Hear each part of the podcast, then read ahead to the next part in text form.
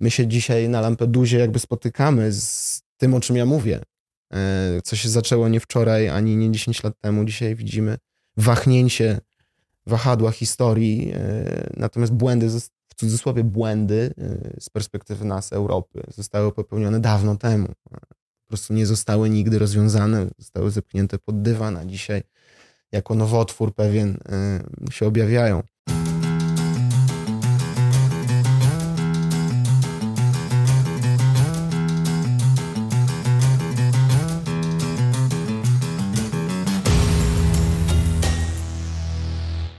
Po wakacyjnej przerwie zapraszamy do map mentalnych. Dzisiaj moim gościem będzie Dominika Bebengę e, i opowieść o Afryce i uwaga o Legii Warszawa. Serdecznie zapraszam.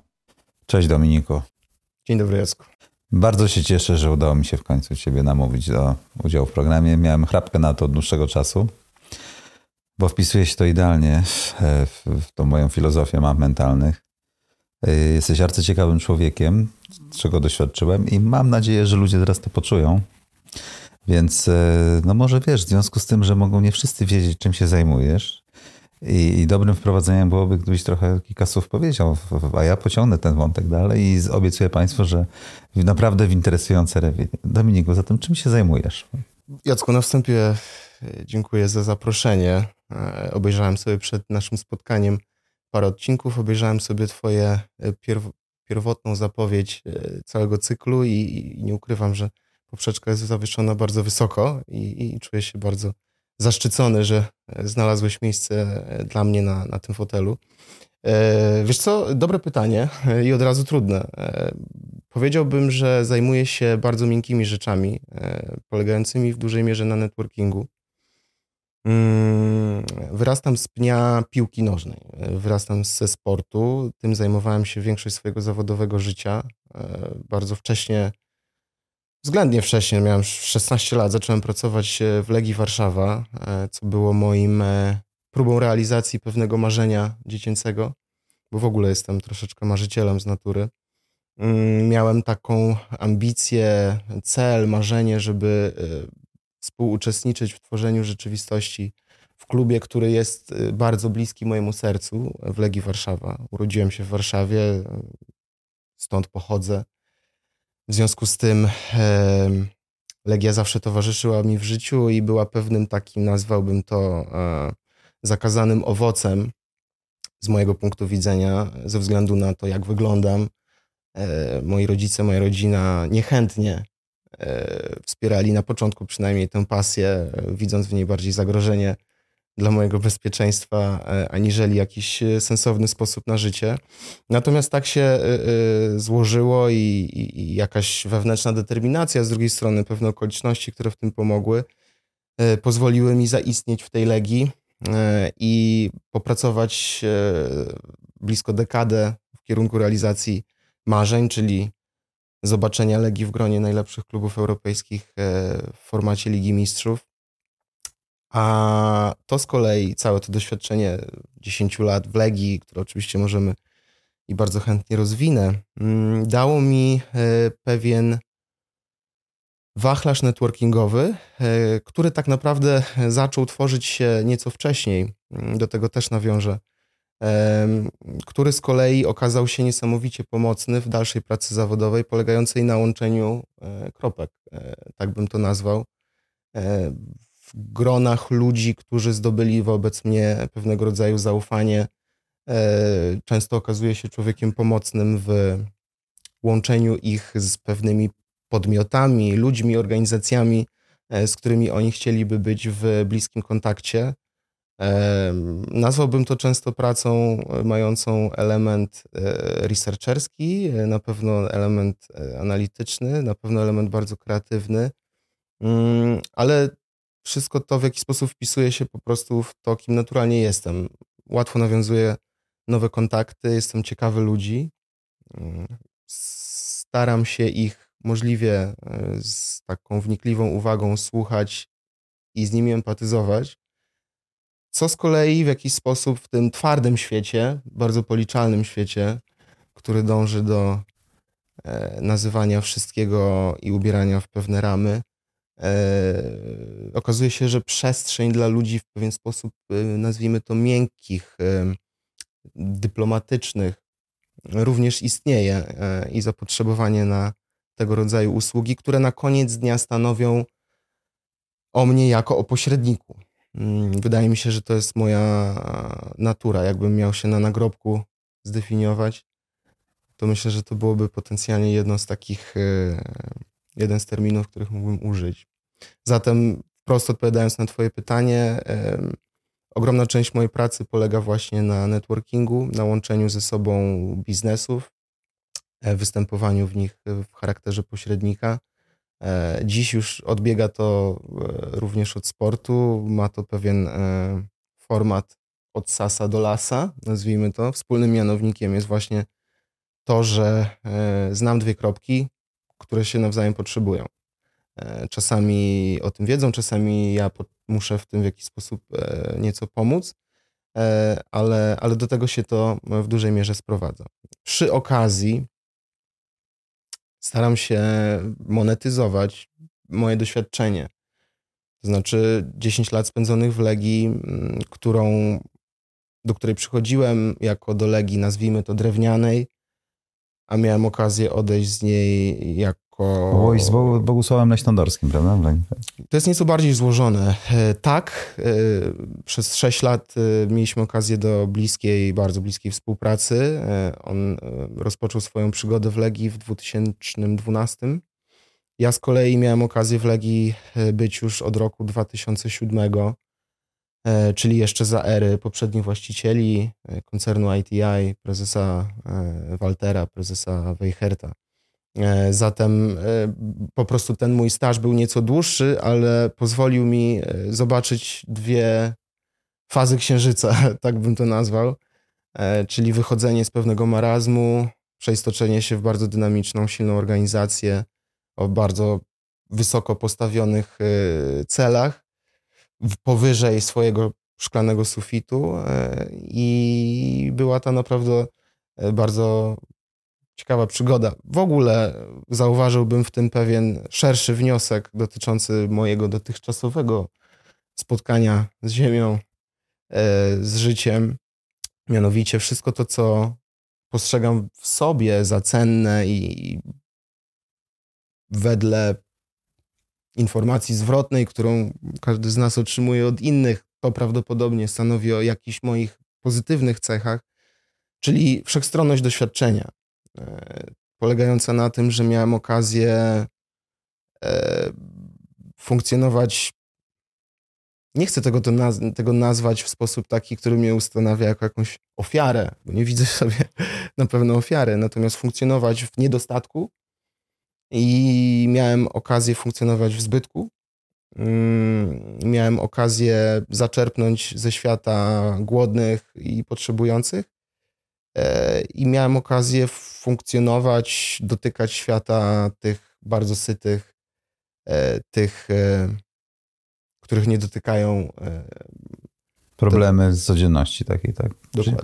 Jak się pobieżnie wygoogla, to jest informacja, że byłeś scoutem sportowym Legii Warszawa. Tak, tak, to znaczy z tego wyrosłem. W ogóle ten research na mój temat też w pewnym sensie jest nieco obarczony pewnym błędem. To znaczy, funkcjonujemy w erze bardzo cyfrowej, natomiast ja w sobie widzę takiego e, człowieka mocno analogowego, e, nie płynącego pod prąd w tym sensie, natomiast z pewnym sceptycyzmem e, adaptującego się do zmieniającej się rzeczywistości i takie rzeczy jak LinkedIn chociażby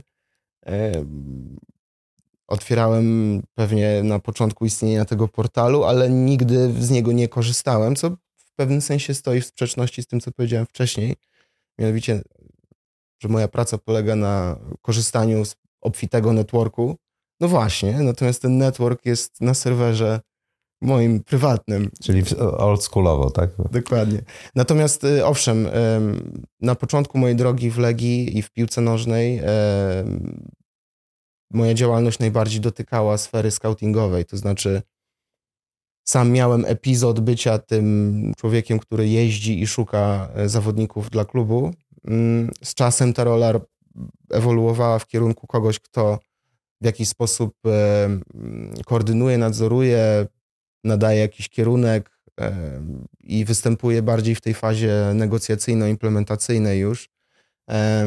Zatem miałem okazję współpracować ze wspaniałymi skautami, tworzyć pewien zespół, który e, starał się przeskoczyć te ograniczenia obiektywne Legii i pozyskiwać zawodników, którzy mogą się w klubie rozwinąć i nabrać wartości, pozwolić nam spłacić dług wobec poprzedniego właściciela, bo w ten sposób Legia została e, przejęta, e, obciążona pewnym historycznym długiem którego nie dało się spłacić dnia pierwszego, natomiast e, deal polegał na tym, że kilkudziesięciomilionowy dług zostanie spłacony w postaci przyszłych przychodów, czyli poprzedni właściciele dali wiarę, być może nie mieli większego e, pola manewru e, temu, że prezes Leśnodorski i Legia pod jego przewodnictwem będą w stanie faktycznie te nadwyżki finansowe generować. I stało się to myślę, że dużo szybciej niż my sami zakładaliśmy.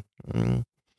Tak czasem w życiu jest, e, że po prostu dochodzi do takiej, e, nie wiem, z angielska to się nazywa perfect storm, idealnej koincydencji pewnych czynników obiektywnych, ludzkich i udaje się tworzyć taką, taką masę krytyczną. W naszym przypadku tak, tak było. Mam wrażenie, że w momencie, kiedy odchodziliśmy z klubu w takich dramatycznych okolicznościach, w 2017 roku, zostawiając Legię w Lidze Mistrzów z pokaźną ilością gotówki na koncie i mocną drużyną, mm, mieliśmy wrażenie, że no stworzyliśmy takiego zwierza, który jest w stanie naprawdę e, przełamywać takie archetypy myślenia o, o polskiej piłce jako, jako, jako mm, zjawisku mało, powiedzmy, atrakcyjnym czy, czy nowoczesnym. Czy nowoczesnym, czy, czy rokującym na jakiekolwiek zmiany.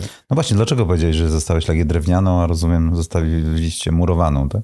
Tak, oczywiście nie chcę, żeby jakakolwiek pycha przez to przemawiała, ale no tak jest po prostu. E, w momencie, kiedy przychodziłem do klubu, e, e, w ogóle geneza mojego marzenia polegała na tym, że widziałem nieprawdopodobną energię, nieprawdopodobną jakąś mistyczną aurę i magię, którą ten, ten klub w sobie posiada za sprawą swojej społeczności, kibiców, e, ich niekompromisowości, bezkompromisowości, ich, ich e, takiej niepokorze, niegrzeczności, e, pewnego rodzaju bezczelności.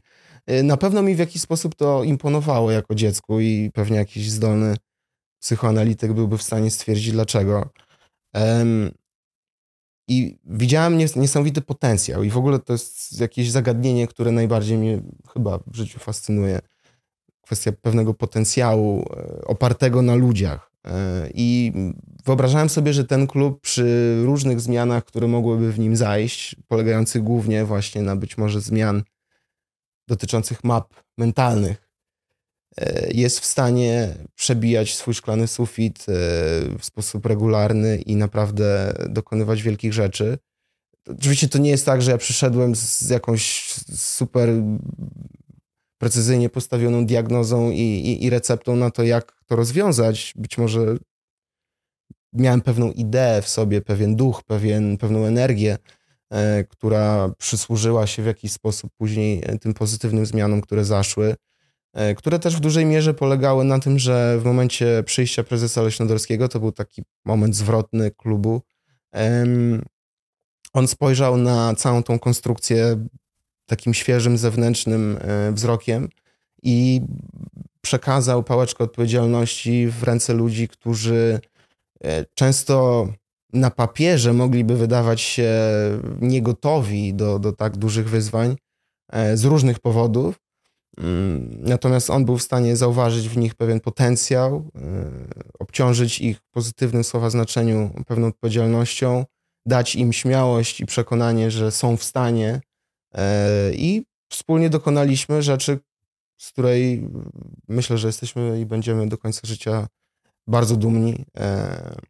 E, a teraz pozostaje nam kibicować Legii, ale innym klubom również polskim w tym, żeby były w stanie nawiązać do tego, do tego osiągnięcia. Gdzie się wychowywałeś?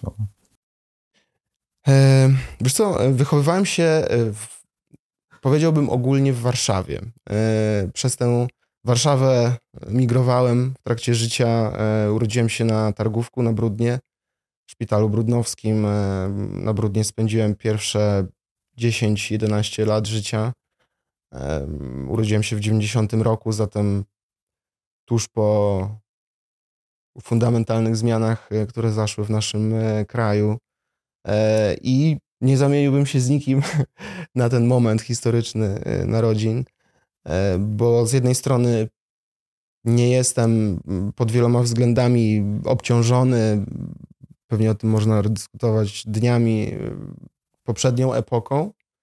Z drugiej strony miałem okazję wychować się w środowisku i w czasie, w którym ludzie byli głodni, e, to znaczy pod każdym względem, mówię tutaj materialnie, ale głodni jakiejś godności swojej własnej, tożsamości. Myślę, że to był bardzo mm, ciekawy czas y, dla Polski i, i dla Warszawy, która się zaczęła w sposób nieprawdopodobnie dynamiczny zmieniać od pewnego momentu, e, bo jednak te lata 90. nadal pamiętam jako takie szaro-brudne. Następnie miałem okazję mieszkać e, pod Warszawą, e, w miejscowości Jabłonna, niedaleko militarystycznie kojarzącego się Legionowa. A następnie to już Żoliborz, Mokotów, teraz spokojny Wilanów. Więc tak e, migruję w kierunku południa, co być może też w jakiś sposób związane jest z moim e, korzeniem e, afrykańskim, który, który prowadzi na sam równik, bo stamtąd pochodzi druga połowa mojej rodziny, rodzina mojego ojca. Natomiast y, skupiając się na, na tym początkowym Twoim pytaniu, wychowałem się w Warszawie. I tak jak wspomniałem wcześniej, miałem ten y, taki bardzo spolaryzowany, y, mm, mm, mm, spolaryzowane doświadczenie. To znaczy, urodziłem się w rodzinie, która pewnie jak większość, zdecydowana większość polskich rodzin tamtego okresu, wiązała koniec z końcem i żyliśmy na poziomie, który można dzisiaj w jakiś sposób y, nazwać jako bardzo taki, bym powiedział, podstawowy. Niczego nam, czy nie, nie wspominam tamtego okresu jako momentu, w którym mi czegokolwiek brakowało, bo chyba jednak w życiu dziecka do szczęścia potrzebny jest oboje rodziców i, i piłka nożna. piłka nożna, koledzy, koleżanki na podwórku. Więc y, ale w pewnym momencie mojego życia mój ojciec y, zarobił duże pieniądze, co spowodowało, że nasze życie i styl życia też w pewien sposób uległ drastycznej zmianie, co z kolei zdało mi otwarcie na to, co powiedziałem jakiś czas temu, że do tego nawiążę, czyli na początek budowy y, tego networku, e, który dzisiaj mi e, w jakiś sposób w życiu pomaga. Mm, to jest bardzo proste albo skomplikowane, bo z moim ojcem miałem okazję żyć wspólnie przez 12-13 e, lat pierwszych swojego życia.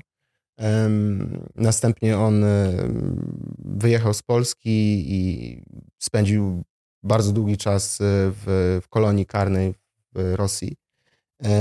Natomiast y, zrobił jedną rzecz, co najmniej jedną rzecz, e, która na pewno e, takim odpryskiem, efektem motyla trochę e, cały czas ma swoje konsekwencje w moim życiu, czyli postanowił wysłać nas, moje, mnie i moją starszą siostrę, do takiej amerykańskiej szkoły w Konstancinie pod Warszawą, która szczególnie w tamtym czasie, wydaje mi się, że dzisiaj jest trochę inaczej, ale w tamtym czasie była takim miejscem, które e, no, skupiało dużą część takich uprzywilejowanych materialnie e, dzieci z takich rodzin, e, którym się w jakiś sposób powiodło ekonomicznie.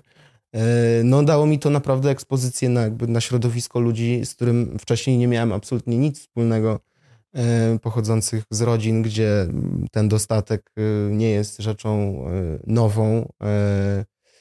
I, I na pewno było to pod wieloma względami poznawczo, niesamowicie bogacące i, i ciekawe. Mm, to znaczy, budowa spektrum perspektywy w życiu w ogóle wydaje mi się, że jest niesamowicie pomocna, wzbogacająca, stawiająca własne istnienie i własne przemyślenia w jakiejś większej perspektywie. Był to taki moment, w którym trafiłem do tej szkoły jako po prostu zwykły chłopak, polski chłopak, e, którego doświadczenie dotyczyło głównie podwórka Brudnowskiego e, czy Żoliborskiego, gdzie mieszkali moi dziadkowie, który po angielsku mówił pewnie jak każde przeciętne polskie dziecko, czyli coś tam, ale nie za wiele, e, na pewno z barierą wewnętrzną do tego, żeby się swobodnie komunikować. E, a tam z kolei trafiłem do środowiska ludzi, którzy, nawet Polacy, między sobą porozumiewają się w języku angielskim, co było na pewno dużym szokiem, testem pewnym na adaptacyjność, e, która w życiu później na pewno okazywała się bardzo przydatna. Ale w szerszej perspektywie, ja tam spędziłem niecałe dwa lata e, w tej szkole. To też jest związane właśnie z tą koleją losów, czyli z tym, że E, mój ojciec zarobił te pieniądze, albo zmuszony wyjechać z Polski, został aresztowany i... W ogóle musimy wrócić do tej historii. Tak? Wrócimy, wrócimy. Został aresztowany, trafił do więzienia, więc losy mojej rodziny tu w Polsce też diametralnie uległy e, zmianie, to znaczy dużo bardziej wróciły do sytuacji pierwotnej, e, kiedy na pewno zbytek nam nie towarzyszył. Mm, i to z kolei było pewne bogacące doświadczenie, które dało mi niesamowity pokład y, dobrze rozumianej, mam nadzieję, mimo wszystko, pewności siebie, biorącej się z tego, że ja miałem wtedy 13, 14, 15 lat, wiesz, jeszcze jesteś młody i te twoje przemyślenia nie są y, jakoś wybitnie dojrzałe, y, ale wtedy zrozumiałem, że ludzie są w stanie cenić mnie za to, co sobą reprezentuję, tak powiem bardzo szeroko, aniżeli za to, co mam. E, I dla mnie było to bardzo ważne doświadczenie i ważny wniosek do wyciągnięcia na wczesnym etapie, który pozwolił mi wierzyć i marzyć, że nie ma granic, nie ma barier. Jeżeli masz marzenie, a wydaje mi się, że motywacja jest bardzo ważna w kontekście rozpatrywania prawdopodobieństwa dojechania do celu. Jeśli motywacja jest odpowiednio czysta, e, romantyczna, to nazwijmy, przy, przynajmniej w przypadku takich ludzi jak ja, pewnie to jest jakiś profil psychologiczny, wszystko jest możliwe, nie ma barier. E, to nie jest czas, w którym ludzie będą ciebie klasyfikować i upychać do jakiejś kasty tylko i wyłącznie dlatego, że nie wiem, tak wyglądasz, czy z takiej rodziny pochodzisz, czy masz bądź nie masz. E, I na pewno był to ogromny doping e, do tego, żeby starać się pielęgnować w sobie te cechy i takie postawy, które właśnie spotykają się z pozytywną informacją zwrotną czyli być człowiekiem ciekawym innych, człowiekiem jakichś wartości, które wydaje mi się, i to jest pewien, pewien, pewien wtrąt, ale, ale, ale mimo wszystko ważne, jak myślę sobie teraz, tak mnie skłoniłeś do rozpatrywania swoich początków. W kontekście tego kompasu moralnego, wartości, jakiejś etyki takiej towarzyszącej w życiu, bo to często jest nośny temat. Wiadomo, żyjemy w kraju, który jest um, osadzony w tradycji religii bardzo mocno, um, mimo wszystko nadal. Um, I my z moją siostrą chodząc do publicznej szkoły podstawowej, e, no musieli... Na brudnie, tak? Tak, na brudnie. E, uczestniczyliśmy na początku również w katechezach, w lekcjach religii, Mm, natomiast ja wywodzę się z polskiej rodziny, aczkolwiek takiej bym powiedział bardzo agnostycznej. E, I y, nazwij nawet bym powiedział z elementami sceptycyzmu wobec instytucji. I, i, I, po różnych takich, bym powiedział, mniejszych, większych incydentach związanych z tymi lekcjami religii, moja mama postanowiła I pamiętam to jako rozmowę i pytanie mimo wszystko, aniżeli jakiś nakaz, żebyśmy nie uczęszczali na lekcje religii i też, nie wiem, zmuszając czy prosząc szkołę do, żeby zorganizowała nam lekcje etyki. Etyki filozofii, chyba to się wtedy tak nazywało. Więc już wtedy na wczesnym dosyć etapie w szkole podstawowej dotykałem zagadnień e, takich, bym powiedział, wychodzących poza konkretną jedną religię, czy jakiś jeden kanon myślenia. I miałem ekspozycję na po prostu jakieś wartości uniwersalne, jakieś refleksje moralne innych mądrzejszych ludzi, którzy żyli przed nami. E, I, I, wydaje mi się, że to też mi w życiu bardzo pomogło. E, w kontekście tych właśnie moich map mentalnych, w kontekście próby spojrzenia na życie jako wszystkie odcienie szarości, a nie dwie barwy, było to niesamowicie istotne i, i, i bogacące. I dzisiaj też towarzyszy mi ta refleksja ze względu na moje własne dzieci, e, bo jestem ojcem dwójki, które za parę, kilka lat y, również do szkoły się udadzą. I myślę o tym, co to znaczy dać im dobrą szansę w życiu, co to znaczy dać im odpowiednią edukację. E, przeraża mnie, że nie mam odpowiedzi na te pytania i że e, prawdopodobnie będzie musiał być w tym e, duży element improwizacji. Mm. Ale, ale, ale, ale swoje doświadczenie i, i, właśnie tą dwubiegunowość i to, że te zmiany były dynamiczne i wymagały ode mnie takiej właśnie elementu adaptacji, mm, ale w pewnym sensie też umiejętności pogodzenia się z tym, na co nie mam wpływu. I wydaje mi się, że to jest też coś, co nam, dorosłym ludziom, strasznie przeszkadza, że no nie możemy kontrolować. Nie kontrolujemy wszystkiego. Wszystkiego, a nawet często mamy wrażenie, że, że prawie niczego i nikogo E, a to był taki czas, kiedy e, miałem te 14-15 lat e, i po tym takim idyllicznym epizodzie w tej amerykańskiej szkole musiałem wrócić jakby z powrotem w cudzysłowie do tej szarej rzeczywistości.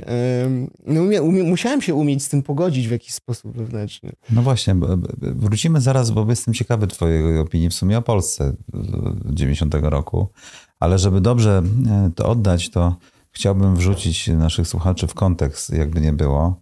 E, ojciec e, pochodził z Afryki. E, twój jest to piękna opowieść, którą po części znam. Bardzo bym chciał, żebyś się przedstawił.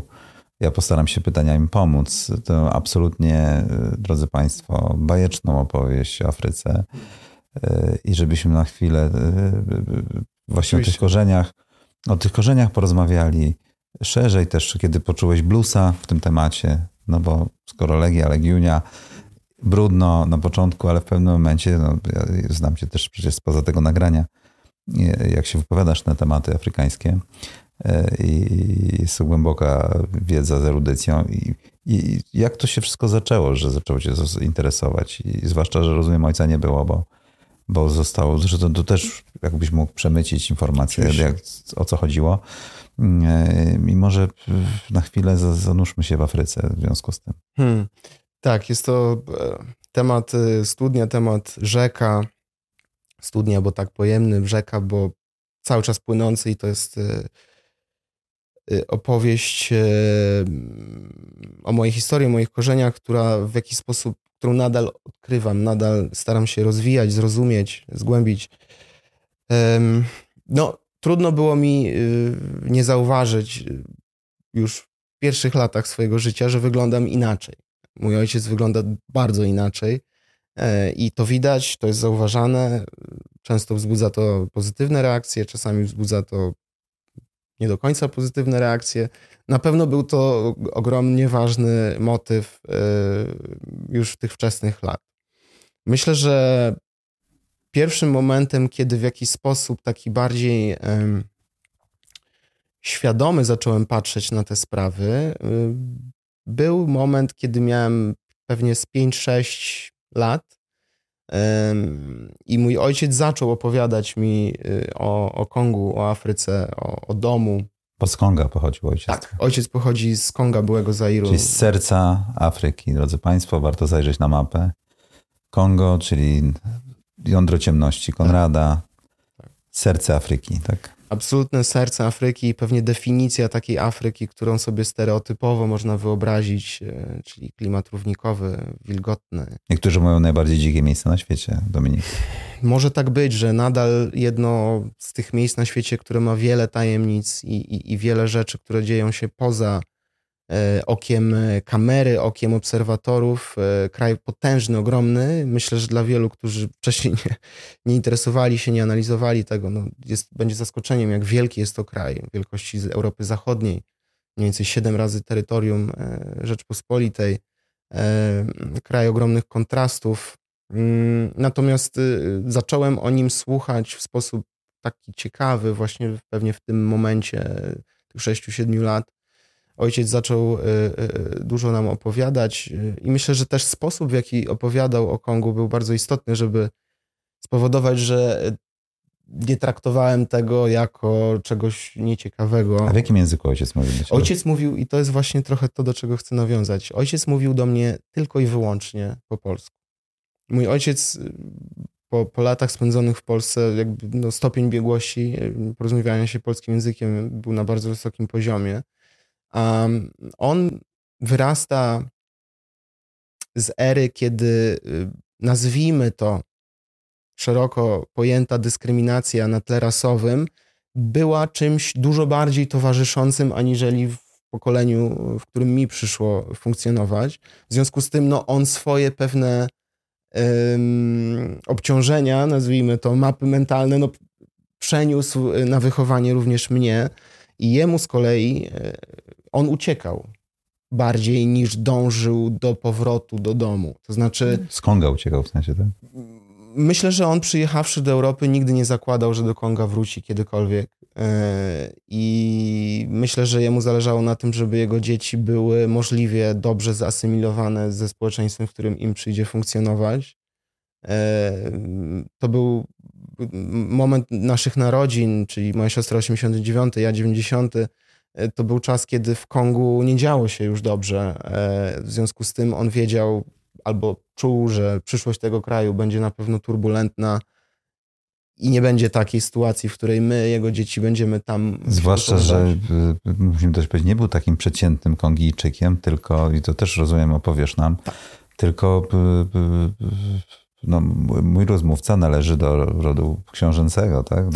A, mo można tak na koniec dnia po powiedzieć. Natomiast moja rodzina, jak spojrzycie Państwo na mapę Konga, pochodzi z północno-zachodniego um, obrzeża tego kraju. W zasadzie jest to styk trzech krajów: Demokratycznej Republiki Konga, Republiki Konga i e, Środkowoafrykańskiej e, Republiki. E, to jest no, takie jedno z bardziej, e, z jednej strony dziewiczych, z drugiej strony najpóźniej spenetrowanych przez europejskich odkrywców e, miejsc e, w, całej Afryce, e, bo wedle faktów, które mi się udało ustalić również za pomocą Muzeum Ekwatoria w Belgii, no pierwsi odkrywcy przybyli na nasze tereny w okolicach 10 roku, 1910 roku, co no, stwarza taką nieprawdopodobną perspektywę z mojego tak, punktu widzenia przypadkowości mojego istnienia. To znaczy tego, że w ogóle no, to, to, jest, to, jest, to jest nic na, na, na tle osi historii. Te sto kilkadziesiąt czy kilkanaście lat, które dzieli od nas od, od przybycia pierwszych belgijskich odkrywców na terytoria zamieszkiwane przez moją rodzinę, moje plemię. Jak się to plemię nazywa? Plemię Lobala. Mhm. E, I Jak wygląda ten obszar w ogóle? E, jest to no, z naszej perspektywy ogromny obszar wielkości dobrych kilku e, metropolitalnych obszarów Warszawy. To jest las równikowy, las podmokły, namorzynowy, to się chyba tak nazywa, do którego regularnie wylewa ogromna rzeka Ubangi, która jest największym dorzeczem potężnej rzeki Kongo a, przy okazji stanowi granicę pomiędzy jednym Kongiem a drugim Kongiem, Kongiem dużym, Kongiem mniejszym. Dużym byłem belgijskim, małym e, byłem francuskim. E, moja rodzina mieszka na tych terytoriach e, wedle badań genetycznych, które sobie zrobiłem z ciekawości właśnie. no, od bardzo dawna i wedle przekazów, które funkcjonują w sposób werbalny, jesteśmy takim świeżo piśmiennym społeczeństwem, nasze plemię. Mój dziadek jest pierwszym przedstawicielem mojego plemienia, który nauczył się czytać i pisać, czy którego nauczono czytać i pisać. Mówimy tu o stu już pewnie 50 tysiącach ludzi dzisiaj. Zatem no, to wszystko jest bardzo świeże. Belgowie e, przybyli na nasze terytoria oczywiście w poszukiwaniu e, zasobów, e, w poszukiwaniu wtedy gumy, kauczuku, na którą mieli obsesję ze względu na wydarzenia z kolei tutaj dziejące się na starym kontynencie. Jak również Czyli wojnę, de facto wojnę, bo Pierwszą... kauczuk i guma niezbędne są do produkcji wojennej. Dokładnie, ze względu na, na, na dzieje I wojny światowej, jak również przemysły drew, drewniarski mocno był zasilany zasobami z naszych terytoriów, czyli heban, czyli machoń, e, bardzo rzadkie gatunki twardego drewna, e, które w naszych lasach występują obficie. Występują też bardzo ciekawe gatunki zwierząt, e, bo to jest ten obszar, który zamieszkują chociażby szympansy bonobo czy goryle nizinne. Ciekawe jest też to, wydaje mi się, że moja rodzina pochodzi, te Konga i ten administracyjny podział Afryki, który nastąpił po erze kolonialnej. Często się mówi, że te państwa są sztuczne, te granice są w pewnym sensie sztuczne. Pewnie wszystkie granice są w jakiś sposób sztuczne i umowne, natomiast no, tam ze względu na tą świeżość historii jest to y, y, wybitnie odczuwalne, ponieważ moja rodzina pochodzi E, e, tak samo z jednego brzegu e, rzeki Ubangi, jak i z tego przeciwległego, mówiąc w tym samym języku i będąc tymi samymi ludźmi, którzy przez setki lat odwiedzali się, przekraczając rzekę. Zatem no jest to takie plemię, które my byśmy scharakteryzowali jako zbieraczy i łowcy.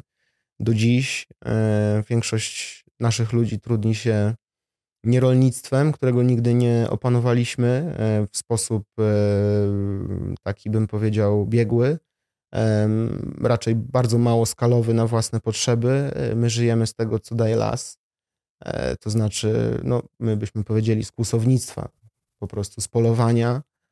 Żyjemy z ryb, które dostarcza wylewająca rzeka Ubangi, tworząc takie starorzecza, takie stawy, jeziora wewnątrz lasu, z których my od też setek lat wiemy, jak korzystać i jak e, te ryby pozyskiwać w ten sposób. Plemię, które ma charakterystykę ofensywną, to znaczy myśmy zawsze bardzo dużo wojowali, bojowali z sąsiednimi plemionami, też przeciwdziałając pewnym procesom, które się dzieją nie od wczoraj, no, pewnej pustynnieniu tego obszaru, e, nazwijmy to równikowego, to znaczy Sahara no, wkrada się w głąb kontynentu coraz bardziej, tworząc presje na, migracyjne e, na różne plemiona, e, które zamieszkiwały te bardzo północne obrzeża Konga, czy już terytorium Sudanu Południowego, czy, czy dalej, które zaczęły migrować na południe wtedy jeszcze. Mówimy tu o dziejach XIX wieku. E, I nasze plemię po prostu, no, chcąc y, y, tworzyć jakąś swoją e, suwerenność, swoje, bronić swojego terytorium, bardzo często e, wojowało, bojowało. Co z kolei ma też swój świeży odprysk historyczny i wydaje mi się, że no, to jest dosyć y, interesujące, a przy okazji bardzo splecione z tym, o czym chcę powiedzieć o co poprosiłeś wcześniej, znaczy z dziejami mojego ojca. Mój ojciec y, urodził się y, w takiej miejscowości, której nawet nie ma na każdej wersji Google Maps. Y, ona się nazywa Waka. To jest kilkadziesiąt kilometrów w głąb lasu od najbliższego, od najbliższej miejscowości, którą Państwo na pewno znajdziecie, która się nazywa Mobambo. Nieopodal miejscowości, która nazywa się Dongo ojciec urodził się jako jedno z 30 trojga dzieci. Oczywiście on się urodził jako jeden z pierwszych, bo był pierwszym synem, dziedzicem mojego dziadka, który był e, przywódcą naszego plemienia. Jest to społeczeństwo patriarchalne, zatem ta pałeczka jest przekazywana w męskiej linii. Wielożeństwo, tak? Wielożeństwo, poligamia rozumiana w taki sposób, w jaki ja z kolei z, mo z, moim polskim kodem kulturowym w większości odbieram trochę jako no, prawa dżungli, y, prawa, y, które pewnie charakteryzują y, stada goryli, to znaczy samiec alfa, który ma pewien przywilej i mm, pewien imperatyw nawet bym powiedział do tego, żeby mieć jak najwięcej potomstwa, co pewnie ma jakieś takie bardzo atawistyczne, ewolucyjne podłoże e, w takim rozumieniu, że no, nawet ludzie z naszej perspektywy, w cudzysłowie tak pierwotni, wiedzą o tym, że mnogość dzieci daje większe szanse na przetrwanie genów. Z drugiej zaś strony dzieci w naszej, w naszej kulturze są ogromnym błogosławieństwem i dodatkowymi rękami do pracy. Mm, w związku z tym nie są obciążeniem. Stąd pewnie ta eksplozja demograficzna tak. Konga, którą tak. teraz się obserwuje. Nieprawdopodobna. Jedno z najszybciej rosnących społeczeństw świata. Nieprawdopodobna. Co z kolei wydaje mi się też jest dosyć fajnym, ciekawym tematem do poruszenia być może dalej, bo my się dzisiaj na Lampedusie jakby spotykamy z tym, o czym ja mówię. E, co się zaczęło nie wczoraj, ani nie 10 lat temu. Dzisiaj widzimy wahnięcie wahadła historii, e, natomiast błędy w cudzysłowie błędy y, z perspektywy nas, Europy, zostały popełnione dawno temu. Po prostu nie zostały nigdy rozwiązane, zostały zepchnięte pod dywan, a dzisiaj jako nowotwór pewien y, się objawiają. Zatem mm, ojciec urodził się jako pierwszy syn z 33 dzieci, y, jako pierwszy syn w tym czasie szczególnie, kiedy Kongo uzyskiwało swoją niepodległość e, wraz jakby z szeregiem, e, to był efekt domina pewien w Afryce, w tej czarnej Afryce, w tych, e, od odrywania się od macie, macierzystych kolonii. Kongo w 60 roku, 30 czerwca uzyskało swoją niepodległość. No a mój dziadek był świadkiem, małym uczestnikiem historii jako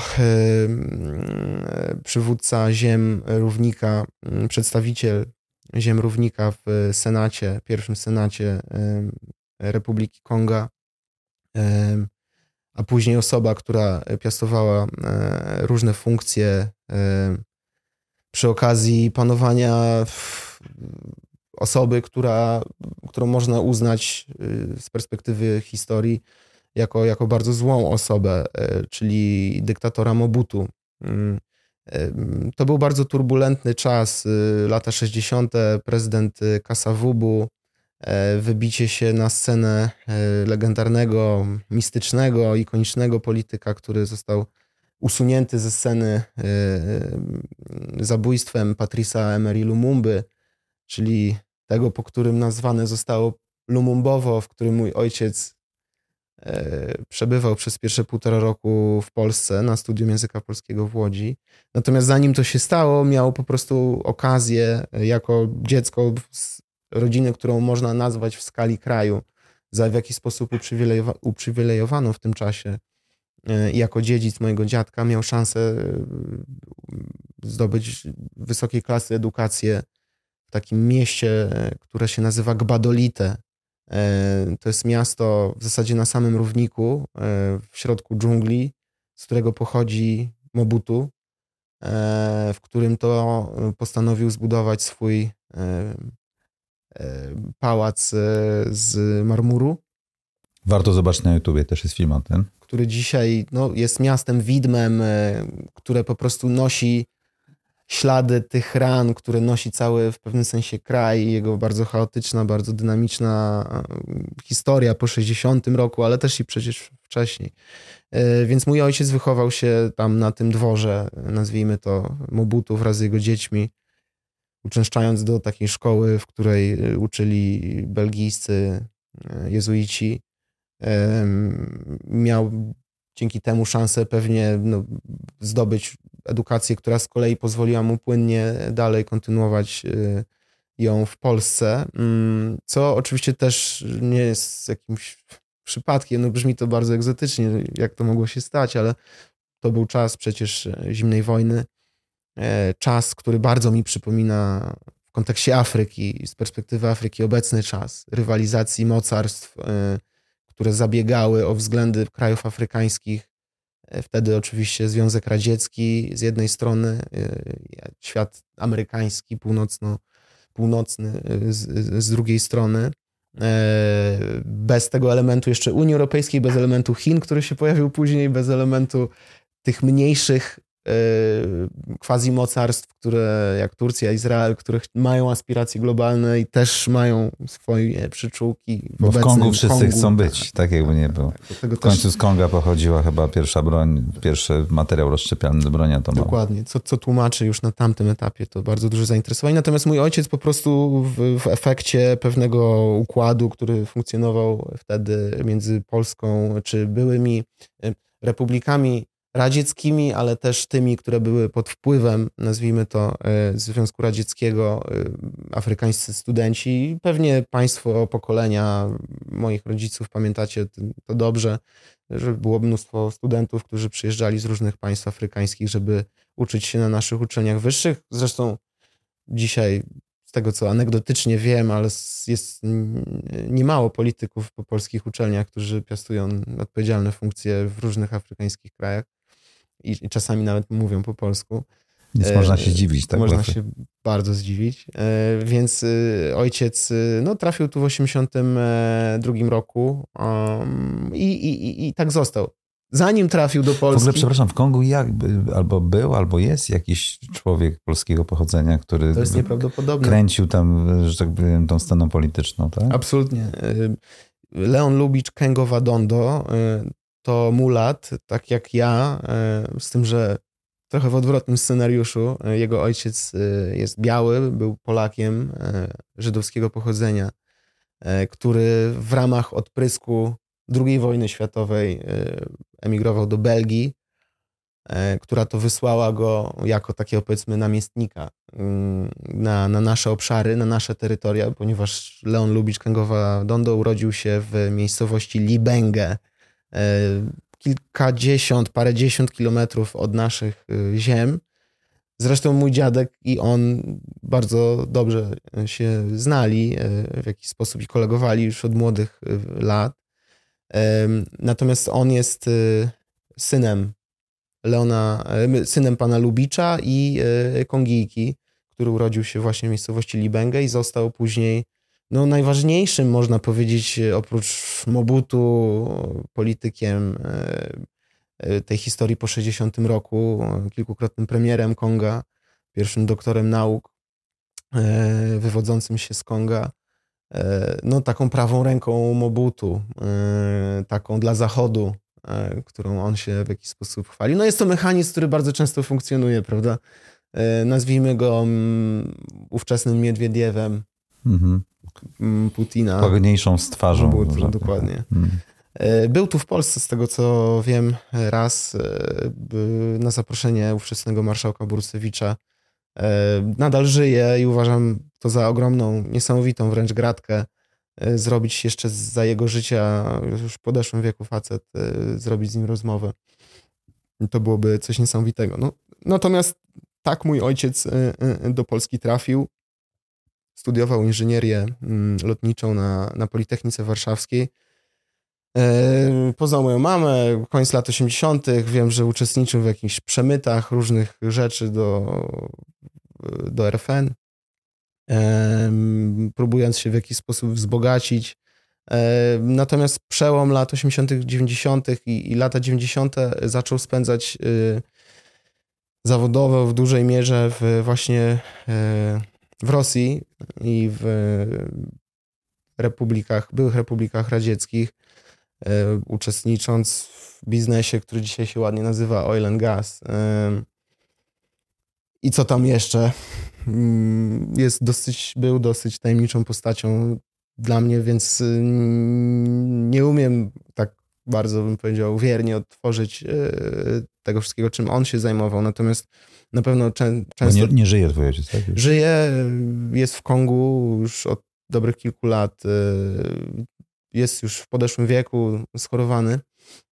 Y, zatem możliwość odtworzenia pewnych, przebiegu pewnych wydarzeń jest y, mimo wszystko dosyć ograniczona.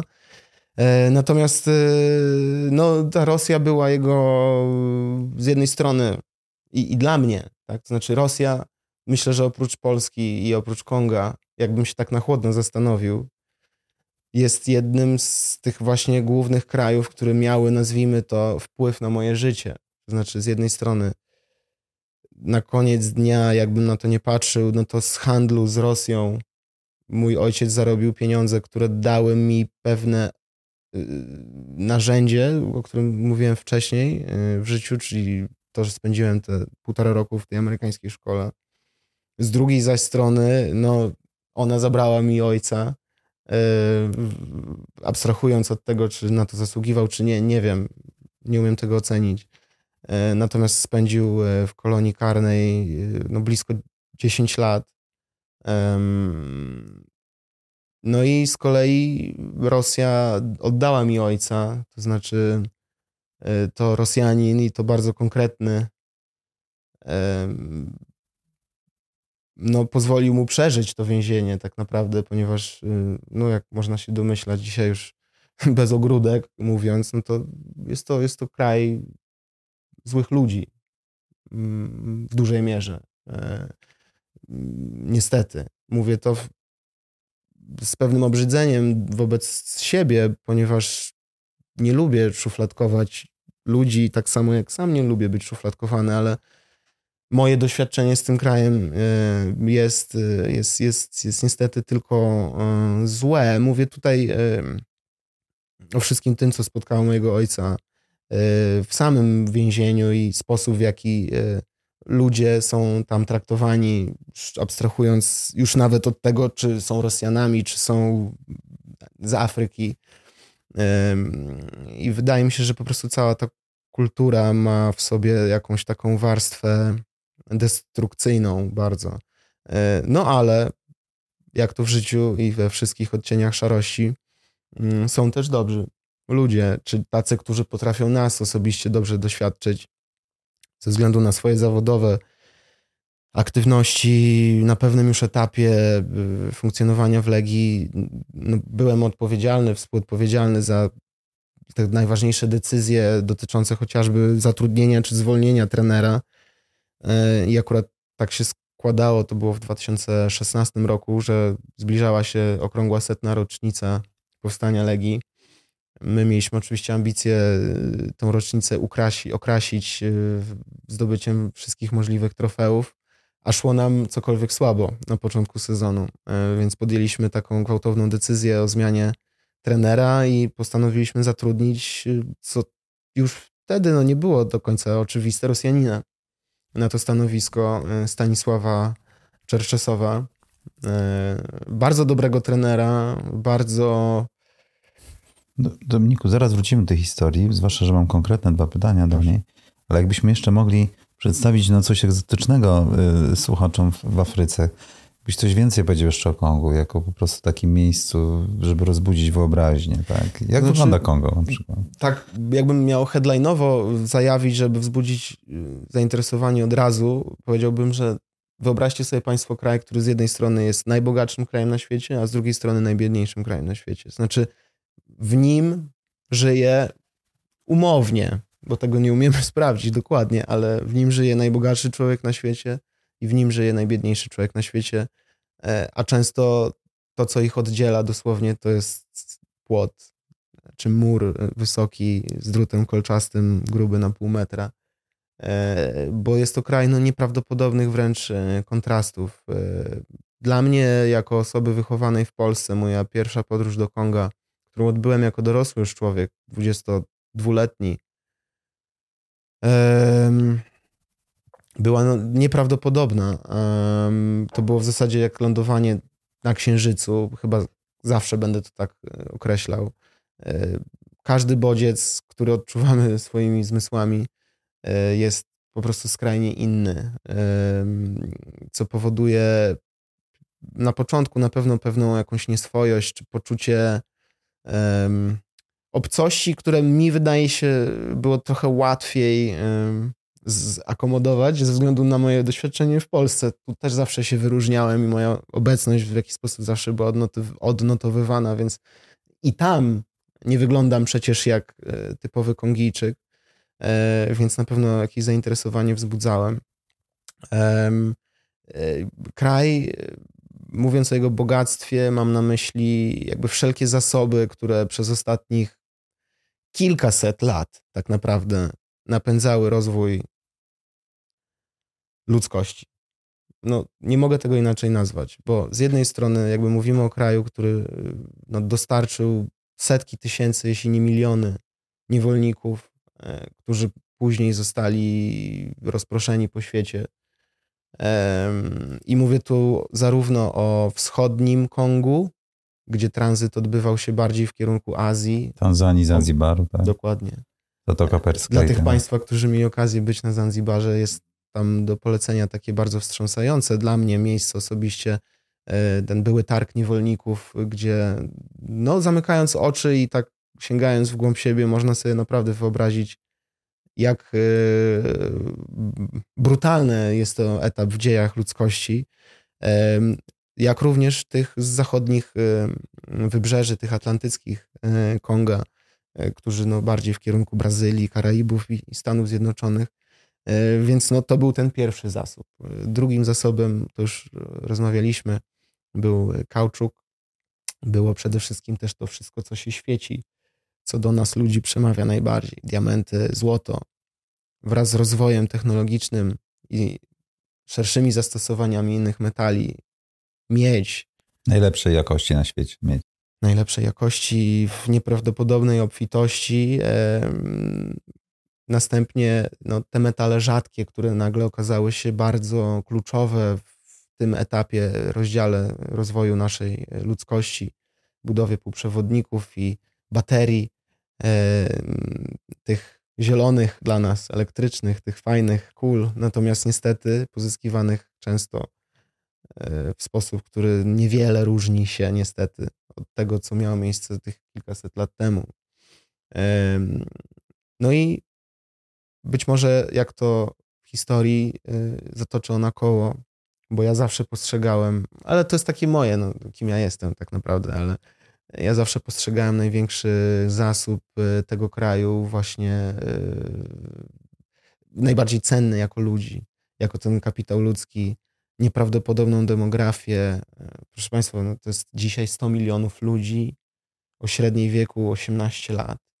E, ponad 20 już milionów ludzi żyjących w jednym mieście, w Kinszasie, które jest prawdopodobnie, e, znaczy na pewno najbardziej zaludnionym francuskojęzycznym miastem na całym świecie, największym miastem w Afryce, tak się o nim mówi dzisiaj, większym od Lagos, większym od Kairu, e, które po prostu no, pęcznieje w oczach. Ja pamiętam swój pierwszy pobyt w Kongu, pamiętam ostatni sprzed kilku miesięcy, i no, no, to widać po prostu. To jest y, z jednej strony fascynujące, z drugiej strony przerażające, ponieważ mówimy tutaj o społeczeństwie, które ma nieprawdopodobnie często zamknięty dostęp do szans na, na rozwój, na uczestniczenie w tym głównym nurcie, powiedzmy, funkcjonowania planety.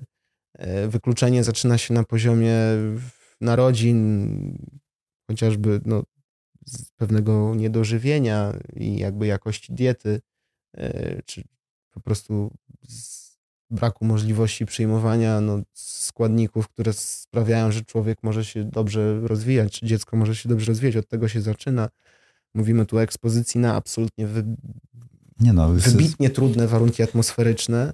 Plus Mówimy brak opieki medycznej de facto, tak? Kobiety, kobiety rodzą chyba zasadniczo same, tak? Tam, tak? Proszę Państwa, miałem okazję, ja mówię o tym, no te emocje nadal w pewnym sensie we mnie żyją, ale to są doświadczenia sprzed kilku lat często.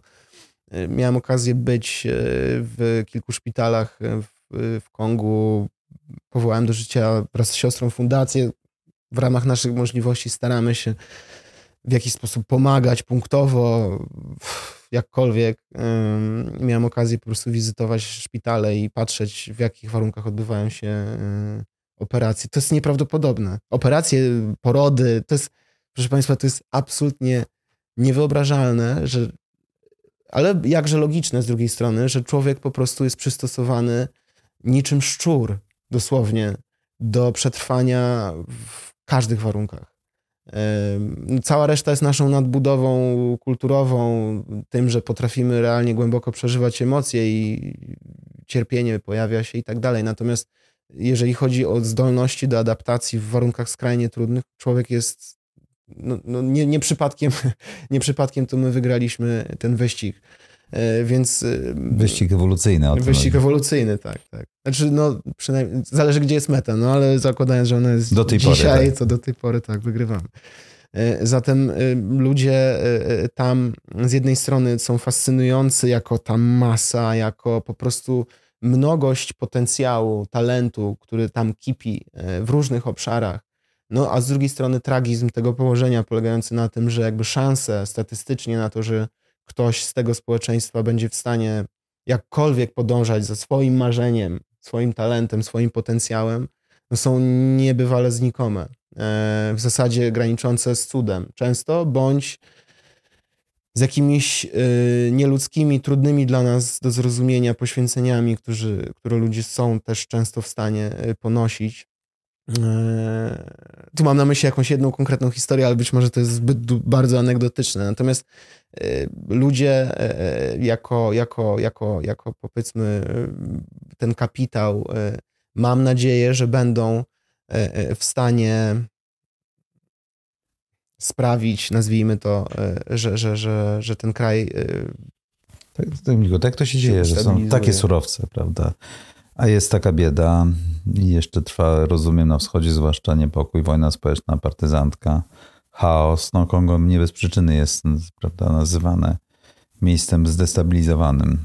I w ogóle czy to czuć, jak jesteś tam? E, wiesz co, w takiej pewnie mikroskali e, człowieka, który przyjeżdżałby bez pewnej jakiejś właśnie nadbudowy, nie wiem, wiedzy, nie, nie do końca jest to łatwe do zauważenia. Natomiast Kongo bogactwo Kongo to materialne, e, to namacalne jest jego absolutnym przekleństwem, e, ponieważ... E, Rozumiem, że jak nie Belgowi ucinanie rąk, tak? to y, firmy zachodnie, które próbowały. Jak nie Proszę Chińczycy, którzy na wschodzie teraz, to ludzie sami sobie tak. robiący to po prostu. Tak. Znaczy, jak nie, ogóle... wąska, jak nie wąska, wąskie elity kongijskie, tak. prawie że arystokratyczne można powiedzieć, które są jednymi z najbogatszych ludźmi na świecie, to y, to po prostu no, brak rozwoju kraju. Tak, tak, wydaje mi się, że geneza tych problemów trochę wzięła się.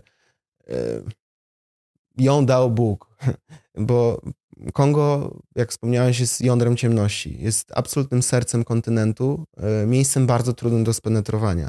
W momencie, kiedy. No tylko się z, rzeki Kongo się może coś odbywać. Drogi I też do pewnego słabe. momentu nie do oceanu, bo następuje jakby e, sekwencja kaskad, uskoków, które powodują, że ta żegluga jest niemożliwa.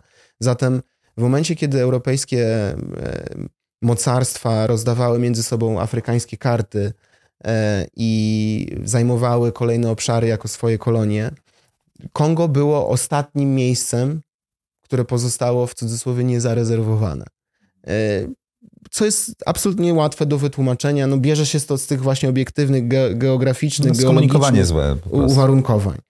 E, wtedy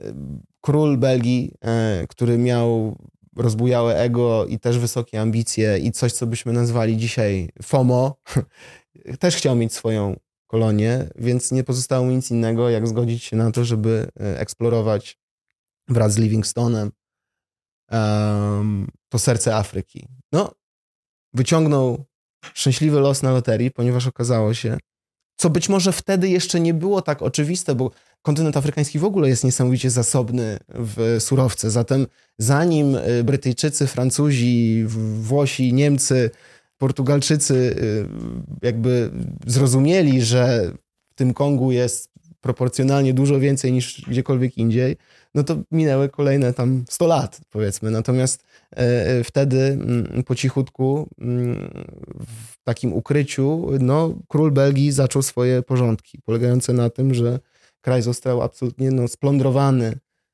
ze wszystkiego wtedy, co stanowiło o jakiejkolwiek wartości, czyli właśnie drewno, czyli kauczuk, kauczuk pozyskiwany w sposób wybitnie no, nieludzki. Te praktyki sprowadzały się do tego, że taki namiestnik belgijski wraz ze swoją trupą zajmowali dany obszar. Ludziom, którzy tam mieszkali, dawali zadanie polegające na tym, żeby Kontyngent. każdy dzień kończyli z pełną miarą pozyskanego w lesie kauczuku, z drzewa kauczukowego. W momencie, kiedy z jakiegoś powodu nie udawało się tej miary uzyskać, no to karą było obcięcie ręki. I tak właśnie, nie wiem, jakby się cofnąć do 50, 40 roku, to mówimy o społeczeństwie, które jest bez rąk. Dosłownie. Tak, są sławne zdjęcia. Absolutnie mnóstwo ludzi bez rąk. Absolutnie mnóstwo ludzi bez rąk. Te praktyki też miały miejsce jakby na naszych terytoriach i, i do dzisiaj funkcjonują różne takie opowieści, legendy z tym związane. E, zatem e, ta kolonizacja belgijska była destrukcyjna, była brutalna. E, sprowadzała się do tego, że oni tworzyli piękne ośrodki, bo Kongo lat 60. mówi się o nim jako o perle Afryki. Ówczesna Kinshasa, ówczesne Kisangani, Y, to były przepiękne miasta, zelektryfikowane, gdzie jeździły tramwaje, pociągi, czyściutkie były ulice, były opryski przeciw komarom i jakby naprawdę mucha nie siadała.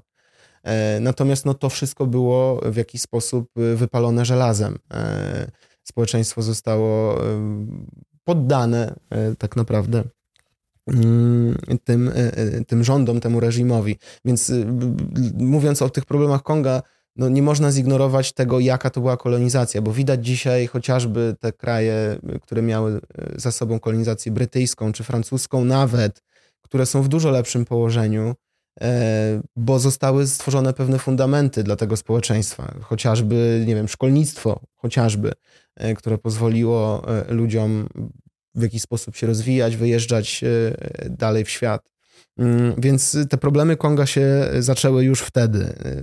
Cała reszta tak naprawdę polega na często z jednej strony cynizmie tych supermocarstw, a z drugiej strony właśnie takiej kompletnej niedojrzałości tkanki społecznej, która nigdy, absolutnie nigdy nie miała szansy, możliwości się wykształcić w jakikolwiek taki świadomy sposób, czyli zabójstwo Patrisa Lumumby, e, charyzmatycznego, e, nazwijmy, nazwalibyśmy to dzisiaj lewicującego, natomiast w takim rozumieniu wydaje mi się bardzo ludzkim, to znaczy mówimy o kraju, który wtedy w cudzysłowie nie miał nic, społeczeństwie, które nie miało nic, zatem no, to chyba jest dobrym odruchem i dobrą ludzką postawą, żeby e, starać się możliwie zaopiekować społeczeństwem, które jest kompletnie bezradne. No i niestety Lumumba zbyt blisko swoimi, e, swoją retoryką wpisywał się w pewien paradygmat komunistyczny, nazwijmy to. Więc w trakcie zimnej wojny po prostu było to na, nie na rękę Stanom Zjednoczonym, które e, dzisiaj już w sposób oficjalny można o tym czytać czy oglądać filmy dokumentalne, no postanowiło usunąć Lumumbę, po prostu pojmać go i zabić ponieważ stwarzał zbyt duże zagrożenie, miał zbyt duże przełożenie na społeczeństwo, zaczął wykształcać postawy, które były niebezpieczne, zagrażały interesom e, świata zachodniego i stwarzały niebezpieczeństwo, że Kongo stanie się na stałe w strefie wpływów e, sowieckiej. Zatem e, został wymyślony w cudzysłowie pułkownik Mobutu, też charyzmatyczny, ale wataszka, nie intelektualista, nie człowiek y, taki, bym powiedział, prospołeczny, tylko człowiek proja, e, który postanowił po prostu, e, znaczy postanowił, to, się, to jest ewolucja podyktycznej władzy, no to nie zaczęło się z dnia na dzień, to postępowało przez 37 w sumie lat. E, jego psychoza, jego dyktatura, która jakby ten kraj jeszcze bardziej dotknęła, jeśli się w ogóle dało to zrobić. Jego też zamordowano ostatecznie, tak? tak? I pocięto, rozczłonkowano go. Tak, jego, on skończył trochę jak Kaddafi. E, w 97 roku został e, usunięty, wypędzony z kraju. Zdaje się, że zmarł w Maroku. Jego rodzina też została no, przy, w przykry sposób doświadczona. E, I kraj e, no, znowu wpadł w kolejną wojnę, e, która jakby miała w jakiś sposób zdecydować o tym, kto dalej. Mm, dalej okazał się Laurent Kabila, który był, nazwijmy to, hmm, w opozycji do Mobutu, był partyzantem, był rebeliantem, był kimś, kto krzewił chęć do zdetronizowania Mobutu przez całe swoje życie, ukrywając się E, w, na pograniczu w, w Kiwu, w, w, parku Wirunga, nazwijmy to na pograniczu Kongo i Rwandy, co do dziś, po dziś dzień stanowi bardzo trudny region, zapalny region, to z kolei ma pewien odprysk z 1994 roku i masakry Tutsi Hutu. E, natomiast mm, przejął władzę Laurent Kabila, wygrawszy wojnę e, i sam został po raz kolejny, jak to w dziejach Konga, usunięty. Został zamordowany e, w swoim gabinecie. Być może za jakiś czas też zdeklasyfikowane zostaną informacje o tym, jakie były realnie okoliczności tego wydarzenia. Żyją po dziś dzień świadkowie historii tych wydarzeń. E, miałem pewien przywilej zarówno poznać, jak i spędzić e, dużo czasu w sposób taki swobodny i otwarty z człowiekiem, który e, był szefem kontrwywiadu, przy okazji szefem bezpieczeństwa prezydenta Kabili, e, Laurent Kabili, no, który ma swoją wersję wydarzeń, która jest nieprawdopodobnie fascynująca i wobec nie jestem człowiekiem, który jakoś łatwo się poddaje takiemu myśleniu, bym powiedział, e, e, e, sprowadzającemu się do tego, że to jest wszystko jakiś spisek dziejów. Natomiast dla tych ludzi, którzy wierzą w spiski, usłyszenie czegoś takiego no, bardzo ucementowałoby ich myślenie o tym, że, że to wszystko jest gdzieś na górze zaplanowane. E, zatem e, w taki dosyć fascynujący sposób nastąpiła sukcesja taka ekspresowa, polegająca na tym, że 28 wtedy letni syn e, Laurent Kabili, Joseph, który wychowywał się głównie w Tanzanii, nie mówił w ogóle po francusku i nie mówił w języku lingala, czyli w tych językach, które głównie obowiązują w Kongu, wychowywał się po angielsku. No, został prezydentem z dnia na dzień czyli bez wyborów, czyli chęć uniknięcia kolejnej wojny i rywalizacji o to kto, e, tylko po cichutku umarł król, niech żyje król i niech po prostu ten głupi, nieświadomy lud e, to łyknie. I tak się stało. Niestety Józef Kabila został kolejnym dyktatorem de facto Konga, ponieważ e, na swoim urzędzie spędził 18 lat, stając się absolutnie bezsprzecznie jednym z najbogatszych ludzi na świecie, e, czyli znowu praktykującym raczej do siebie niż od siebie.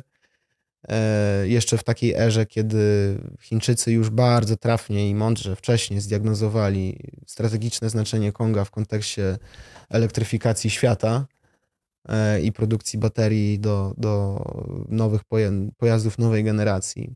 Więc w bardzo transakcyjny, bez bezczelny, nazwijmy to sposób, y, dobili zarówno z nim targu, jak i z wieloma innymi jednowładcami y, kontynentu afrykańskiego, dając im jakieś w cudzysłowie drobne, no w skali Profity, tak? majątku jednego człowieka czy jednej rodziny. Myślę, że, że nie małe okruszki, ale w ich rozumieniu okruszki w zamian za dostęp po prostu do absolutnej studni bez dna bogactwa na, na kolejny... Na... Czyli Chińczycy są obecni w Kongu. Widziałeś to, tak? Absolutnie. Chińczycy są bardzo obecni w Kongu.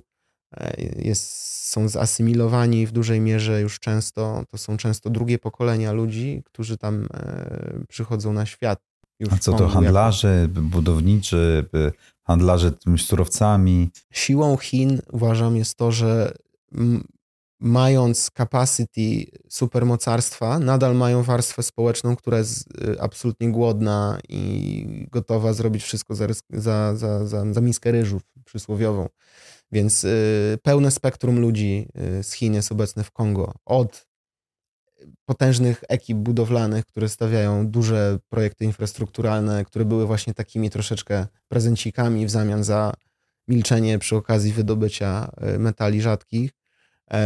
W Kongu jest obecna cała klasa właśnie przedsiębiorcza, która po prostu na handlu się w sposób absolutnie niesamowity i niewyobrażalny dla nas bogaci. Ten rynek jest zalany produktem chińskim w sposób saturacja jakby pełna. Od ubrań przez buty po jakieś badziewne elektryczne gadżety. No wszystkie, że tak naprawdę rzeczy codziennego użytku pochodzą no, w 75% z Chin co jakby pozwala im no, spenetrować e, to społeczeństwo również w ten sposób, nazwijmy to, trwały systemowy, polityczny. Znaczy, oni już dzisiaj stworzyli tak wiele przyczółków e, związanych chociażby z edukacją, czy z opieką zdrowotną, gdzie największe, najważniejsze szpitale w Kongu, które oferują jakikolwiek poziom usług, są chińskie albo hinduskie, gdzie jakby no, wszelka infrastruktura, która ma znamiona nowoczesnej, jest zbudowana przez Chińczyków. I to głównie polega na tym, że oni jeszcze, jakby oni dają pracę swoim ludziom głównie. Tak? Znaczy te ekipy budowlane dużej mierze są właśnie e, złożone z Chińczyków, czyli e, no, z punktu widzenia interesu dalekosiężnego afrykańskiego, no nie jest to partner, który e, daje szansę na przeskoczenie mm, tej wyrwy rozwojowej, ponieważ no, przypomina to dużo bardziej ten, to cyniczne podejście Ameryki lat 60., yy, nazwijmy to, kiedy mm, było jeszcze, nie było oczu, które patrzyły, bo oczy, które patrzą, powodują, że wkradają się pewne standardy, kanony zachowań, ludzie stara, się pilnują, w cudzysłowie. Czyli kończymy z dawaniem koperty na, na stole, bo nikogo to nie obchodzi, no musimy wymyślić dużo bardziej kreatywny sposób, żeby stało się dokładnie to samo. W związku z tym no Chińczycy wyczuli możliwość, y, którą to, którą to stwarza, nie mając na sobie obciążeń y, y, tych wszystkich humanistycznych pojęć, którymi my z kolei się kierujemy często, albo przynajmniej musimy udawać, że się kierujemy. Więc oni, oni w taki błyskawiczny sposób zrobili taki, no nazwijmy to afrykański blitzkrieg, którego odkręcenie, bo do dzisiaj wypływa ta brzydko pachnąca substancja przecież e, jakby z punktu widzenia Zachodu, no odkręcenie tego procesu wiąże się albo z konfliktem zbrojnym, który równie dobrze może się odbyć na Pacyfiku, tak o, o czym ty fascynująco często opowiadasz, aniżeli na kontynencie afrykańskim. Natomiast ogromna część konfliktu e, interesów pomiędzy Chinami a Stanami Zjednoczonymi, która absolutnie umyka naszym oczom, bo my nie mamy historii kolonialnej, my nie mamy wiedzy na temat Afryki, mało tego, ona nas raczej średnio nawet interesuje, bo się wydaje nieznacząca. Natomiast po pierwsze jest bardzo znacząca, bo dzieli nas tylko Morze Śródziemne i konsekwencje tego, co spychanie problemu afrykańskiego czy zagadnienia afrykańskiego może oznaczać w konsekwencji kolejnego wieku chociażby. E, e, e, natomiast no, oś tego konfliktu na pewno w ogromnej mierze przebiega właśnie na kontynencie afrykańskim, bo oddanie go swobodne Chinom, tak jak to miało miejsce przez, nie wiem, ostatnich kilkadziesiąt lat, parędziesiąt co najmniej lat, no, spycha nas do roli petenta wobec Chin w kontekście E, czegoś, co dla nas jest absolutnie kluczowe, no, komunikacji. Komunikacji. Komunikacji telefonicznej czy elektrycznej, bo mówimy o produkcji smartfonów, mówimy o produkcji e, tych naszych kochanych baterii, e, tak. jabłuszek. Mm, jak również w kontekście budowy e, tych pojazdów, o których marzymy, że będą no, większością pojazdów, bo nam chcielibyśmy lepiej oddychać. My byśmy chcieli lepiej oddychać, prawda? Chińczycy to wiedzą, że my byśmy chcieli lepiej oddychać i wiedzieli to już dawno temu. I wiedzą, że y, to się nie odbędzie bez surowców y, kongijskich. E, więc y, to, że dzisiaj oczekujemy, że ludzie, którzy, nie wiem, sobie zamawiają w cudzysłowie samochód, muszą czekać w jakiejś ogromnej kolejce. Owszem, oczywiście, pewnie w 80% jest spowodowane konsekwencjami COVID-u, konsekwencjami konfliktu zbrojnego, wojny w Ukrainie, ale, ale również opiera się na dostępności, czy braku dostępności, czy zbyt dużym uczestnictwie Chin względnie w wydobyciu i kontroli nad całym supply chainem kobaltu. E, bo jakby to są, e, wiesz, Rosjanie sprzedali Alaskę Amerykanom, hi, hi, hi, ha, ha, ha, Amerykanie sprzedali Chińczykom kopalnie kobaltu wszystkie, Kongo, hi, hi, hi, ha, ha, ha, też z Afryki, z perspektywy dzisiejszej, więc ten świat, ten temat to studnia, ten temat to rzeka, tak jak powiedziałem, jest y, kraj yy, fascynujący. Uważam, że dla, jako ćwiczenie intelektualne, nawet powiedzmy dla ludzi zainteresowanych czymś nowym, jakimiś nowymi bodźcami, bodźcami, warto poczytać przynajmniej o Kongo, jak nie pojechać samemu. Zapytałeś o bezpieczeństwo. Nie, jakby kwestia bezpieczeństwa dla takiej osoby, nazwijmy to postronnej, szczególnie takiej, która jest biała albo z ich perspektywy jest biała, czyli nie jest czarna, E, jest y, to bardzo bezpieczne miejsce. I mówię to z pełną odpowiedzialnością, bez żadnego tam PR-u wobec Konga, bo chyba mimo wszystko tym, co powiedziałem, nie zrobiłem jakiegoś super dobrego.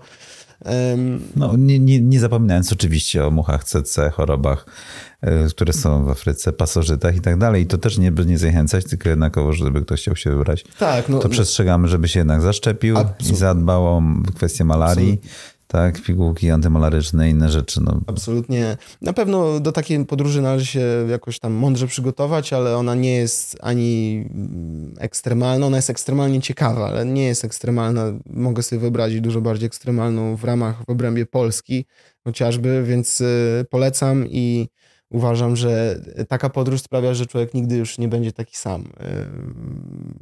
Wracając trochę do wątku Polski, no i co, powiedz mi, ciągnie ciebie, tak? Skoro wiesz, te koszenie tak pięknie opowiadasz. Zawsze mi się to podobało, jak przy różnych okazjach e, wspominałeś jedno zdanie czy dwa zdania o Afryce. E, no i powiedz masz ciąg, na, że tak powiem, ciągnie cię do, do, do, do głębszej eksploracji Afryki, czy do jakichś takich rzeczy. Mm. W końcu nie było też, chyba jesteś księciem afrykańskim. Znaczy, no właśnie, wiesz, ta cała patriarchalność i, i, i te tradycje nasze e, powodują, że właśnie mój ojciec jest najstarszym synem mojego świętej pamięci dziadka, Michela Ngolonga i Kokoka Ebebenge. Ja z kolei jestem jedynym synem mojego ojca co z perspektywy naszego plemienia, naszej tradycji, wierzeń, naszych ludzi powoduje, czy sprawia, że ja jestem no, dziedzicem w cudzysłowie, kimś, kto jest pewną reinkarnacją mojego dziadka. Oczywiście, jakby nie uciekam, dążę. Ciekawi mnie to, czasem parzy, y, ale na pewno nadal ciekawi. Nie mam jasno zdefiniowanej ambicji wobec Konga. To znaczy, będąc młodszym człowiekiem, marzyłem o tym, żeby doprowadzić do zbliżenia Polski i Konga na poziomie rządów, żeby rządy zaczęły prowadzić ze sobą mądry dialog, strategiczny dialog, przyszłościowy dialog, ponieważ y, ty wiesz, bo to jest jakaś dłuższa historia, natomiast y, network, nie? E, mam powiedzmy taką ekspozycję na, na te elity władzy kongijskie e, i wiem, że po tamtej stronie na pewno jest ogromne zaciekawienie Polską i chęć robienia z Polską e, różnego rodzaju interesów. Wydaje mi się, że z perspektywy Polski najpierw należałoby zbudować taką mądrą świadomość tego, co mogłoby to oznaczać, ale też jest ogromna przestrzeń, żeby e, budować taki pomost, ale jakby wyleczyłem się trochę z tego, szczerze mówiąc, bo nie jestem politykiem, nie będę politykiem, nie interesuje mnie jakby ta sfera w warstwie praktycznej. Ona raczej przysparza, bym powiedział, kłopotów, aniżeli jakiegoś tam wielkiego e, splendoru. Więc e, trochę wyrastam z tego pnia. Z drugiej strony, y, moją największą fascynacją y, w życiu jest właśnie potencjał, talent, człowiek. I uważam, że potencjalnie ze swojej takiej piłkarskiej perspektywy, ale, ale pewnie to można powiedzieć o wielu innych sportach, że najlepszy piłkarz na świecie przyszły biega gdzieś po kongijskim e, szutrze, że tak powiem, czy piasku rozgrzanym. E, pewnie zje dzisiaj z 200 kalorii, jutro znowu z 200 kalorii, ale będzie biegał 6 godzin, 8 godzin, grał w piłkę, aż przyjdzie moment, kiedy będzie za późno, pociąg już odjedzie. W sensie talent do... jego nie wystarczy, żeby załapał Nie, się. bo on nigdy nie będzie w stanie przeskoczyć Sahary. Dosłownie. Do tego się to trochę sprowadza. E, ten chłopiec po prostu umrze tam, gdzie się urodził, pewnie w wieku dwudziestu kilku lat, na jakąś podstawową chorobę, albo z niedożywienia, albo i tak dalej, i tak dalej. I to jest y, zagadnienie, które chyba y, rozgrzewa moją jakby wyobraźnię, moje emocje najbardziej, y, czyli chęć. Nie lubię słowa pomoc tutaj, bo być może to ja potrzebuję ich pomocy bardziej niż oni mojej, w pewnym sensie. To brzmi sprzecznie, ale nie chcę jakby występować w roli tutaj jakiegoś wielkiego zbawcy czy świętego ducha. Nie. Jeśli miałbym w życiu takie okazje, one się już pojawiły kilkakrotnie. Chciałbym wraz ze swoim jakimś rozwojem rozwijać te możliwości bardziej. E, chciałbym dawać mądre szanse e, i narzędzia do tego, żeby ludzie maksymalizowali swój talent, potencjał i żeby mogli e, stawać się właśnie takimi najlepszymi wersjami samych siebie w przeróżnych dziedzinach. Powiem ci, że jakby przeżywam niesamowite doświadczenie polegające na tym, że moje, hm, moja ciocia, czyli najmłodsza córka mojego dziadka, jest młodsza ode mnie. Jest moją ciocią. No to się zdarza, powiedzmy. No tak, w tych takich, tak, tak. jak się było... Mhm. Dziadek był jakby aktywny do, do, do, do, do samego, że tak powiem, końca. I Poznałem ją przy okazji pogrzebu mojego dziadka w Kinszasie.